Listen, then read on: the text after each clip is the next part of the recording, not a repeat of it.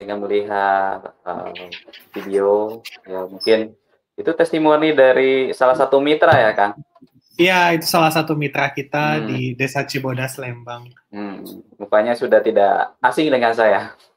Iya, inspirasional banget lah. Jadi jangan ya, khawatir betul. anak muda untuk bertani ya. Jadi pertanian hmm. tuh kalau bisa jangan yang itu-itu aja gitu. Kita yang muda-muda harus nyobain. Hmm, iya ya.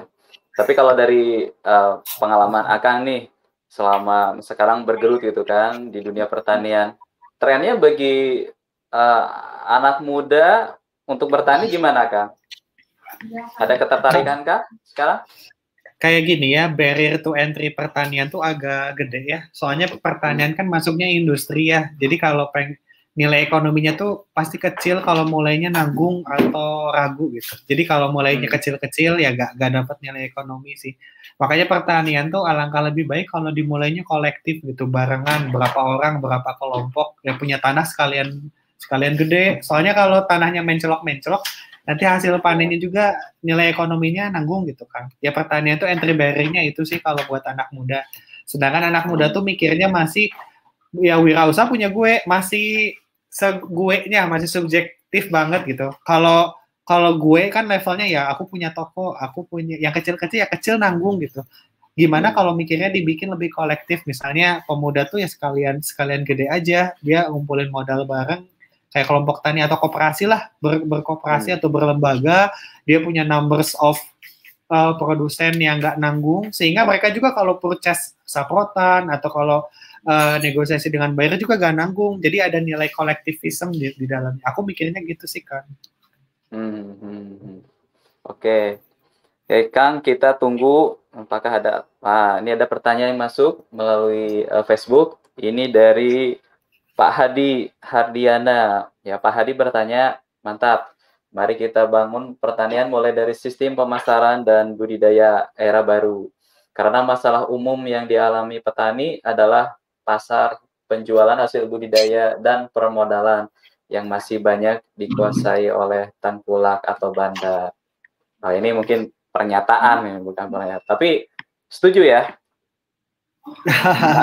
ya sebenarnya sebenarnya kan dengan adanya bantuan teknologi sosial media kan pasar harusnya lebih vertikal dan lebih open ya kayak misalnya kita bisa lebih membandingkan saprotan atau alat mana yang lebih bagus kita bisa yeah. memilih produsen produsen juga yeah. harus punya possibility yang sama dong harus bisa sama-sama memilih buyer kalau sekarang kan buyer ya terima apa adanya gitu pengen sih hmm. sekali-kali kita memilih bayar bisa nggak ya kayak gitu harusnya kan fair gitu bayar ya. memilih kita ya kita juga berhak menolak dan mencari bayar yang lain sehingga kita hmm. bisa lebih mendapatkan profit dan lebih sustain gitu sih kan hmm. oke okay. kita tunggu nih ada pertanyaan lain nggak ya dari sahabat Mutiara Oke, ini ada pertanyaan dari uh, dari Facebook ya. Ini ada Eh, Pak Eyang Raksa. Ya, beliau bertanya, bertanya Kang, produk yang bisa difasilitasi oleh negeri, apakah hanya sayuran saja atau semua hasil pertanian? Bagaimana kalau hasil pertanian seperti beras, kedelai, jahe?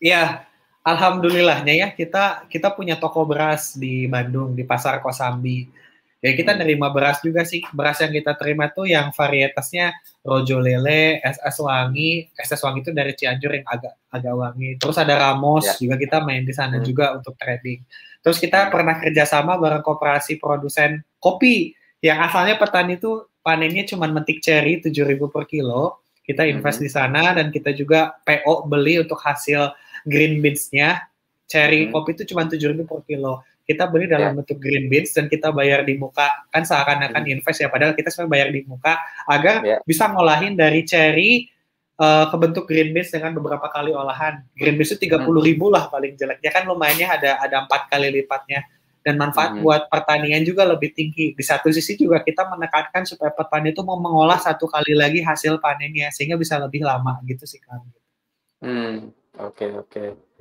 berarti tim Akang berarti ada quality control juga berperan sangat baik ya kalau seperti itu kan?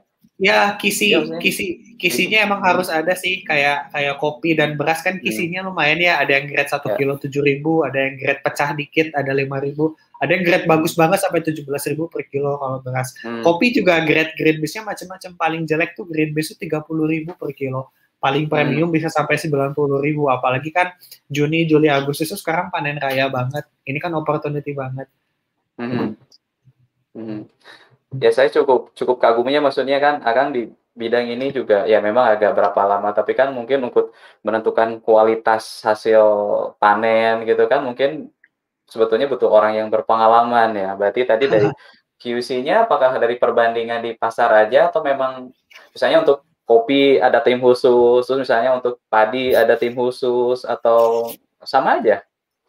Nah, biasanya untuk kita bermitra sih untuk kisi, jadi bukan dari kita sendiri. Misalnya buyer Oh. ini mempercayakan kalau kopi itu ada quality gradernya, itu dia komunitas dari Skopi.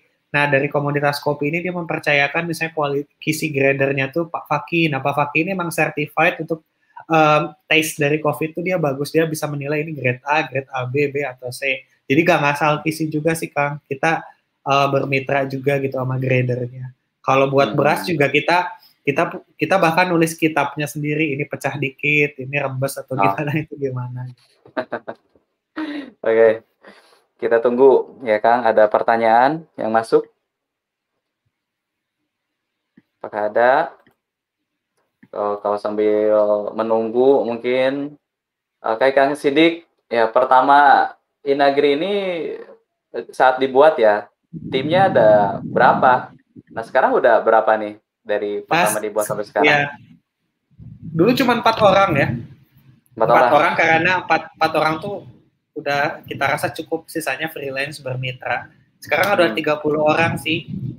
Kita punya 30. akun manager, ya kita punya kisi grader, kita punya business development, kita juga Hmm. punya field officer gitu kan. Field officer. Iya, Berarti oke di lapangan. Ya dari pertanian lah yang pasti ya. iya dari Pertanian. jurusan agribisnis sih. Ya. agribisnis. Yang Iya. empat orang tadi untuk founding father-nya juga dari pertanian atau ada yang Ada saja ke pertanian? ada yang dari eh, pertanian satu, ada yang dari ekonomi, ada yang dari Hmm. jurusan hukum. Tapi dari empat orang juga founding father sisa dua ya biasalah kayak gitu. Startup.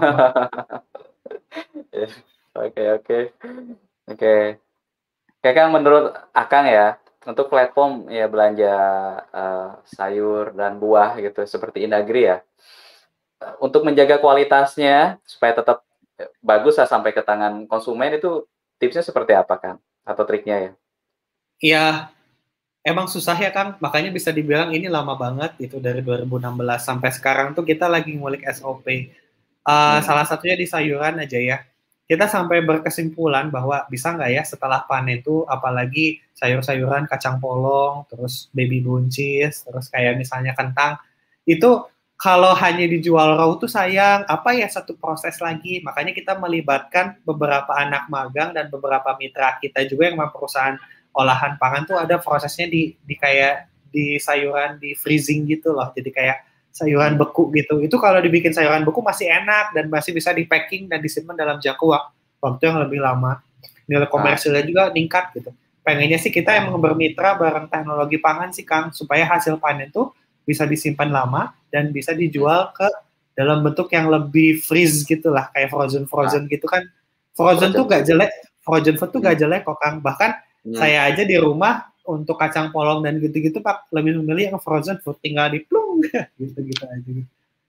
Oh, dan enggak. tahan lama. Nanti tahan lama ya.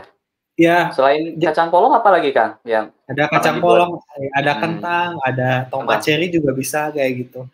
Dan itu nggak Oke. mengurangi nilai nutrisi sih kak. Bisa nggak sih ada teknologi olahan sekali lagi gitu. Jadi hasil panen tuh nilai ekonominya mantap kalau Hmm. ada olahan satu kali lagi aja gitu. gitu. Oke, mantap lah. Yang penting tidak mempengaruhi rasa nanti, misalnya kayak ke tekstur atau apa ketika dimasak, itu tidak ada perubahan ya. Ada dikit, cuman minor. Dikit. minor, Minor. sih ya minor cuman kan minor ya. sebagai sebagai kita yang tinggal di kota dan kadang kita juga lupa ya udah beli sayur terus dima- dimakannya baru minggu depan kan kita butuh Hmm. inovasi experience kayak tadi sih kang Mhm. Oke, oke. Oh, kita tunggu. Tadi perasaan ada pertanyaan yang masuk ya. Oke. Ini ada pertanyaan melalui Facebook. Ini ada Kang uh, Kang Yadi. Uh, beliau bertanya, "Sore Mas Sidik, kami ini petani kecil yang memang butuh untuk disupport dari segi pemasaran produk. Apakah ada syarat bila ingin bermitra dengan Inagri sepintas tadi di video mitra, mitra Inagri sepertinya kelompok yang sudah berkelompok dan sudah maju. Nah, ya, syaratnya emang kita lebih prefer untuk uh, petani yang sudah berlembaga sih, kayak berlembaga jadi kelompok atau koperasi. Hmm. Karena kalau udah berlembaga dengan kelompok dan koperasi, kita bisa carikan kayak pembiayaan pembiayaan alternatif dari PKBL. Mitra kita kan ada BUMN BUMN yang untuk hmm. apa sih mencairkan PKBL terus ada CSR, terus ada juga konsepnya LPDB dari Kementerian Koperasi. Nah, kita match, match, matchmaking kan dengan koperasi mitra-mitranya kita. Setelah hmm. mereka dapat funding, kita open PO, tapi PO-nya juga ada quality control-nya juga dong, nggak tiba-tiba langsung dapat PO dan asal panen aja. Perlu nanti kita mitrakan juga dengan kisi gradernya tadi dan penyuluh pertanian-pertanian agar dari segi industri dan dari segi ekonomi budidayanya tuh ada improvement tahap hmm. tahap dan di satu sisi juga kita match-matching kan dengan program-program pemerintah. Kita lagi proses dengan pemerintah Jabar untuk program desa digital. Nanti kalau misalnya hmm. mereka uh, udah uh, berlembaga, udah mantepin juga keanggotaannya, inventarisir hasil tani, nanti juga mereka ada opportunity untuk mendapatkan hibah-hibah alat-alat IoT pertanian. Jadi emang hmm. di satu sisi itu Inagri itu kayak inkubator ya, bukan kayak bayar gitu. Kita nggak hanya pengennya jual beli sih, kita pengen mitra kita sama-sama maju dan sama-sama belajar. Di satu sisi juga saya juga pengen banyak belajar. Di satu sisi hmm. juga bisa nggak sih kalau harga diri kita tuh gak hanya di harga rupiah dan jual beli, tapi harga diri kita tuh ketika kita sama-sama dapat benefit knowledge ilmu pengetahuan. Karena kan hmm. jangan sampai ilmu pengetahuan mengenai perdagangan dan pertanian tuh hanya disimpan orang-orang itu aja. Makanya kan perlu didistribusikan dengan standar-standar khusus gitu sih. Hmm, oke. Okay. Berarti kalau disimpulkan berarti syarat untuk menjadi mitra ya memang sudah hmm, koperasi gitu kan? Iya berlembaga lah. Bisa ya. Berlembaga. Kalau iya. misalnya ya. ada seseorang punya lahan 10 hektar gitu, pengen apa yang jadi mitra Kang bisa kalau gitu kan? Tetap harus ada lembaga. Tetap sih kalau karena kita kan bukan bukan S3 pertanian, bukan expertnya pertanian hmm. gitu ya. Kita tetap ya. pengennya bermitra sama yang yang udah pernah dan sama-sama pernah mengelola itu gitu. Sekarang jadi kan sekarang kan punya tanah luas belum tentu hmm. menjadi keunggulan kan. Yang menjadi keunggulan tetap sih punya experience di budidaya, tetap sih gitu. Oke, paham paham.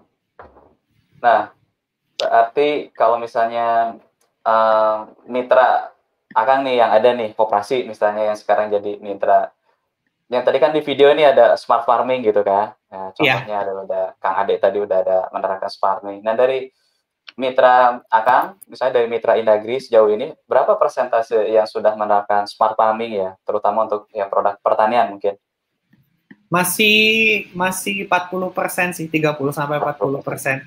Karena kan uh, masih proses berlembaga. Ternyata setelah mereka berlembaga dan punya SK koperasi juga masih PR sih kayak hmm. gimana inventarisir hasil tani, bagaimana membuat SOP uh, eh, keanggotaan, bagaimana uh, membuat SOP buat pembelian pupuk dan hmm. mendapatkan benefit harga pupuk yang lebih ekonomis karena anggotanya banyak.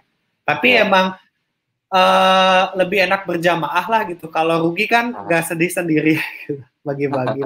Kalau untung juga enak dan apa-apa hmm. bisa di-sharingkan gitu kan kita bisa sharing ya. bayar nih. Ini bayar bagus gak ya? Bermasalah nggak ya? Eh gue pengen beli pupuk, ayo beli barang gue lah barengan. Jadi kolektif gitu loh Kang, kolektif. Hmm. Oke, okay, paham, paham. Hmm. Kayak misalnya dari, ya kalau saya di lapangan kan ya koperasi mungkin kayak tadi agronatif sebagian, ya mungkin ada beberapa koperasi yang dikelola mungkin anak muda atau milenial mungkin yang menerapkan smart farming ya agak lebih modern ya. Maksudnya kalau misalnya ada beberapa koperasi kan di lapangan tidak menutup kemungkinan masih sistem kolot ya, misalnya masih masih kolot. Nah, kira-kira itu jadi barrier atau pembatas nggak ke akan untuk penetrasi, misalnya untuk uh, uh, menjadi mitra seperti itu? Maksudnya ada mungkin agak beda. Mereka dengan konsep-konsep seperti ini pernah nggak uh, akan menemukan ada hambatan gitu dengan ya pola pikir koperasi yang lama? Enggak sih, karena hmm. pola pikir koperasi itu pola pikir pari, paling pancasilais banget, hmm. gak, gak ada di ah. barat dan gak ada di timur. Uh, hmm. Mau dia orang tua, mau dia generasi hmm. baru, sebenarnya gak masalah sih selama emang SOP-nya bisa diimplement. Makanya kan perlu perlu pendamping, perlu inkubator, perlu penyuluh sih Kang. Banyak kan hmm. ekosistem pertanian tuh bukan hanya buyer seller Kang. Ada penyuluh, hmm. ada produsen, ada akademisi, ada ada pihak pendamping buat bisnisnya juga kan dari Kementerian Koperasi suka ada pelatihan-pelatihan pendampingan untuk membuat standar SOP keuangannya juga dan pembinaan untuk hmm. agar dapat pembiayaan kur dengan bunga yang sangat rendah. Jadi emang hmm. emang ribet gitu, cuman kan uh, enak gitu kalau kita biasa rapi, resiko pun bisa dimanage dengan rapi gitu sih Kang. Hmm. Sayangnya pemuda-pemuda mikirnya belum ke sana kali ya karena ketabrak ribetnya. Tapi dicoba aja tuh menurut saya. Ketabrak ribetnya. Iya. Yeah. oh ini ada pertanyaan lagi yang masuk ya dari uh, Pak Yang Raksa nih dari Facebook. Uh, untuk menjual hasil pertian ke Inagri petani yang antar atau ke Inagri yang jemput bola? Ya terutama eh, terus ada program pembinaan ke petani tidak ya? Ya tadi kan udah dijelasin ya biasanya sebelum kita terjadi akad PO jual beli, kita lebih enak membina gitu, membina matchmaking dengan investor, terus kita rilis PO, tapi PO kita punya standar, kita hanya mau menerima PO green beans, kita hanya mau menerima PO dengan standar ah, ini ini ini kayak gitu sih kan. Oke oke. Oke kan, untuk Kang Sidik nih dari pengalaman misalnya dari awal berdiri sampai sekarang kira-kira ada pengalaman ya sukanya mungkin atau dukanya mungkin apa nih kira-kira nih untuk di share? Ya pengalaman suka dan dukanya banyak ya kayak hmm. kalau dibilang kalau dibilang dukanya juga jadi kok startup tapi gayanya hati-hati banget atau lama banget ya, ya gimana lagi kita kan hmm. Inagri kan bukan diciptakan untuk menjadi nomor satu, tapi Inagri diciptakan untuk menjadi perusahaan yang sustain, arahnya ke arah sana sih kan. Jadi hmm. value-nya Inagri itu bukan yang paling famous atau terkaya, tapi kayak ini sih harga dirinya lelaki kan dikuat dan tahan lama. Nah itu kita pengen bikin value di Inagri itu perusahaan yang kuat dan tahan lama sustainable. Tapi emang di satu sisi emang pertumbuhan growth-nya emang tidak sefantas sefantastis fantastis media-media startup sih yang tiba-tiba uh, revenue-nya kali 10 kali 100 kita bukan ke arah sana. Hmm. Terus di satu sisi hmm. juga emang kita pernah rugi juga sih kayak kayak di era sebelum pandemik malah ruginya. Kita pernah trading hmm. gitu. Trading itu ternyata marginnya dikit, effortnya besar dan kerugiannya juga bisa besar ya. Dari yang reject reject itu lumayan juga ya. Aduh reject kok bisa reject? Rejectnya bisa sampai nilainya ratusan juta dan berulang hmm. beberapa kali. Tapi gak masalah lah jadi pembelajaran Mak, hmm. karena pembelajaran ini kita tahu bahwa pertanian itu emang perlu pendampingan dan quality control seperti yang Akang bilang tadi gitu. Hmm. Terus di satu sisi tuh buyer tuh punya preference. Buyer tuh petani kan mikirnya kita panen dibeli semua gak gitu gitu. Maksudnya kita harus agak fair juga panen tuh hasilnya ada macam-macam gitu. Ada ya. yang bagus banget, ada yang bagus tapi ya gimana, terus ada yang grade-grade macam-macam. Itu kan dihasilkan karena proses, eh, prosesnya apakah kurang vitamin atau salah di mana atau salah di mana itu harusnya bisa di tracing sih Kang Nah, mm-hmm. budidaya itu emang harus seserius itu gitu. Jadi emang nggak boleh ya udah pupuknya segini atau tanahnya segini. Nggak bisa gitu juga karena akan berpengaruh ke kualitas hasil panen.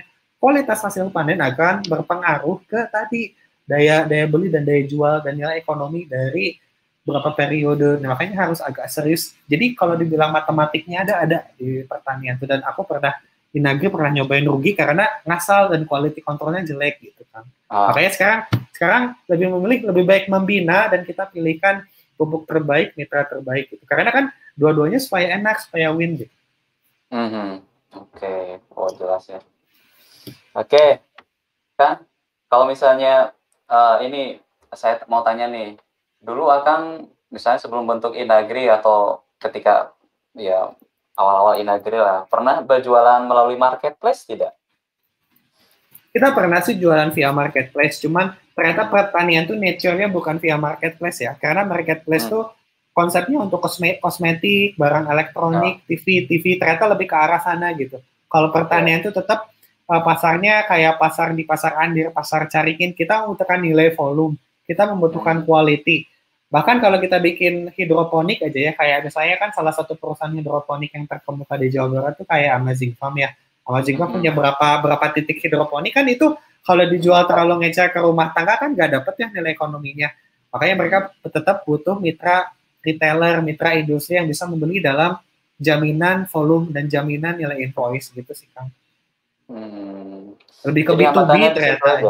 Iya B2B oh, sih karena B2B. Oh, okay hambatannya lebih ke situ bukan karena ada misalnya biasanya ada beberapa teman pernah ikut uh, berjualan ya melalui marketplace gitu dia ada hambatan misalnya dari sisi konfirmasi konfirmasi gitu kan dari dari uh, si marketplace-nya yang lama ya kan nanti hubungannya ke ya supply chain juga kan seperti itu. Iya. Terlalu ngecer sih Kang kalau marketplace terlalu ngecer. Ngecer ya. Jadi, terlalu nanggung gitu kan. ya gitu. Dua kilo gitu ya beli tomat sekilo. Iya. Kan. Sedangkan kan uh, kita masih B2B di tengah gitu kan, trade trade trading di tengah gitu. Mm-hmm. Jadi kalau akan melihatnya lebih menguntungkan untuk uh, inilah jangan jangan di marketplace ya kalau untuk seperti ini. Iya, mending berlembaga terus uh, menginduk dan langsung tradingnya trading dalam volume yang lebih nikmat lebih besar gitu.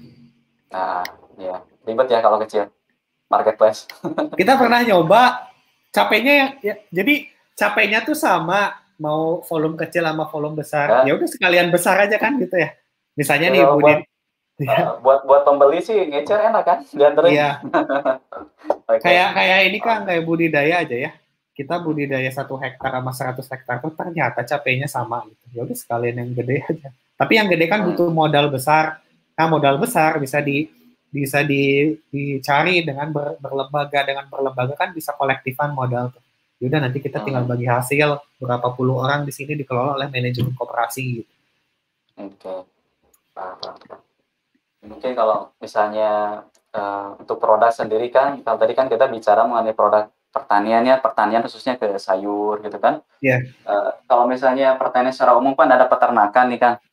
Nah, yeah. misalnya uh, untuk uh, produk ternak atau ya misalnya berhubungan dengan ternak ada juga produknya. Ada, kita kerjasama bareng kooperasi produsen di desa Cibodas, agronatif namanya. Mereka ada lahan kosong lah, dulu lahan kosongnya dipakai cocok tanam budidaya apa gitu, cuman lagi kosong aja. Tapi kan lahan kosong itu bisa jadi nilai benefit ya. Di satu sisi kita melihat kurban tuh kebutuhan tahunan, akikah tuh kebutuhan tahunan dan mm-hmm. kebutuhan kebutuhan akan domba itu tinggi banget ya udah kita bikinin kandang buat kapasitas 11 kandang di sana kita beliin juga bibit domba di sana dan lumayan hmm. sih uh, kita juga bi lagi bikin campaign tabungan kurban buat hmm. kurban yang dua bulan lagi. Alhamdulillah sih tahun kemarin berhasil kejual berapa 30 juta lah omset dari kurban. Targetnya sih sekarang bisa sampai 60 sampai 120 juta sih buat kurban ini. Dan uh, pihak yang kita titipkan kurban juga kan kooperasi tadi kan daripada yang asal jadi beban tuh lahan kosong itu kan jadi benefit hmm. profit di sana dan aset gitu sih Kang. Hmm. Oke kalau kalau misalnya nanti ada yang butuh misalnya untuk kurban ya, misalnya perlu kambing gitu atau perlu sapi, itu nanti sistem uh, pengiriman itunya diambil sama bayar atau diantarin Kang? Kan pasti berat juga mungkin kalau di ongkos kirim seperti itu, itu gimana Kang? Ya, kita konsepnya ada kurban antar. Jadi kita anterin bareng mitra kita ah. gitu, bareng koperasi tadi. Atau kalau mau ambil langsung silahkan gitu sih Kang. Hmm, diambil ke tempat.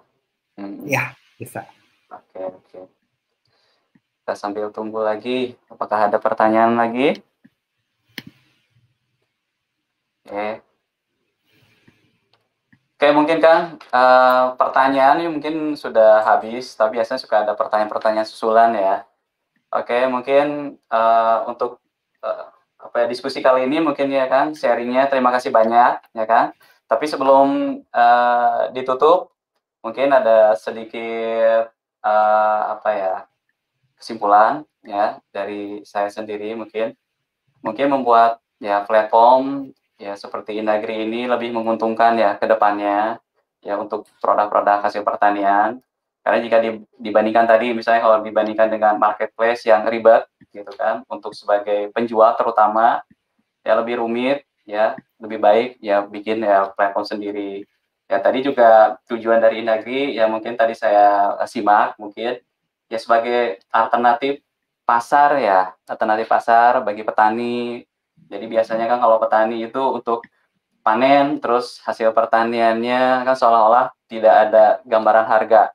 Ya meskipun harga harga itu bisa ya, musim sebelumnya itu berapa atau tahun sebelumnya di uh, musim ini akan jatuh berapa ada. Cuma kan kepastian harga itu ya, tidak pernah dipegang oleh petani. Nah, Inagri ini uh, dibentuk ya sebagai uh, untuk solusi mungkin ya ke petani supaya misalnya kalau bermitra dengan Inagri ya itu bisa mendapatkan kejelasan harga. Ya tentu ini sebagai petani adalah ya suatu angin segar ya atau kabar baik ya. ya jadi semua variabel uh, faktor pertanian dengan nanti uh, hasil pertanian itu bisa dihitung-hitung di awal.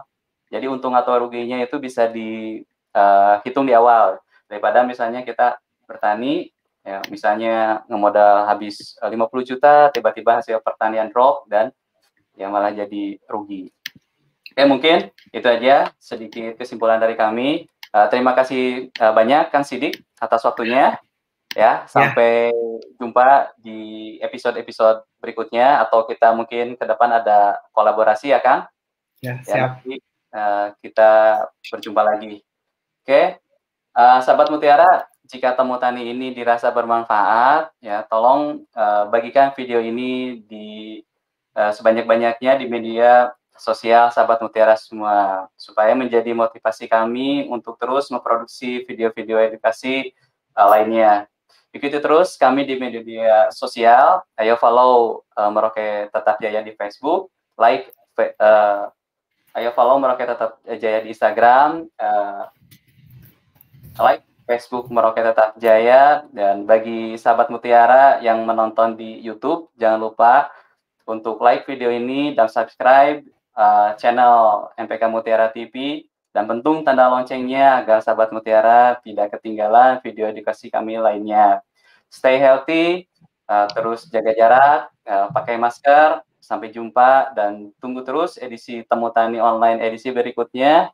Assalamualaikum warahmatullahi wabarakatuh. Salam Mutiara. Dadah. Ayo Kang.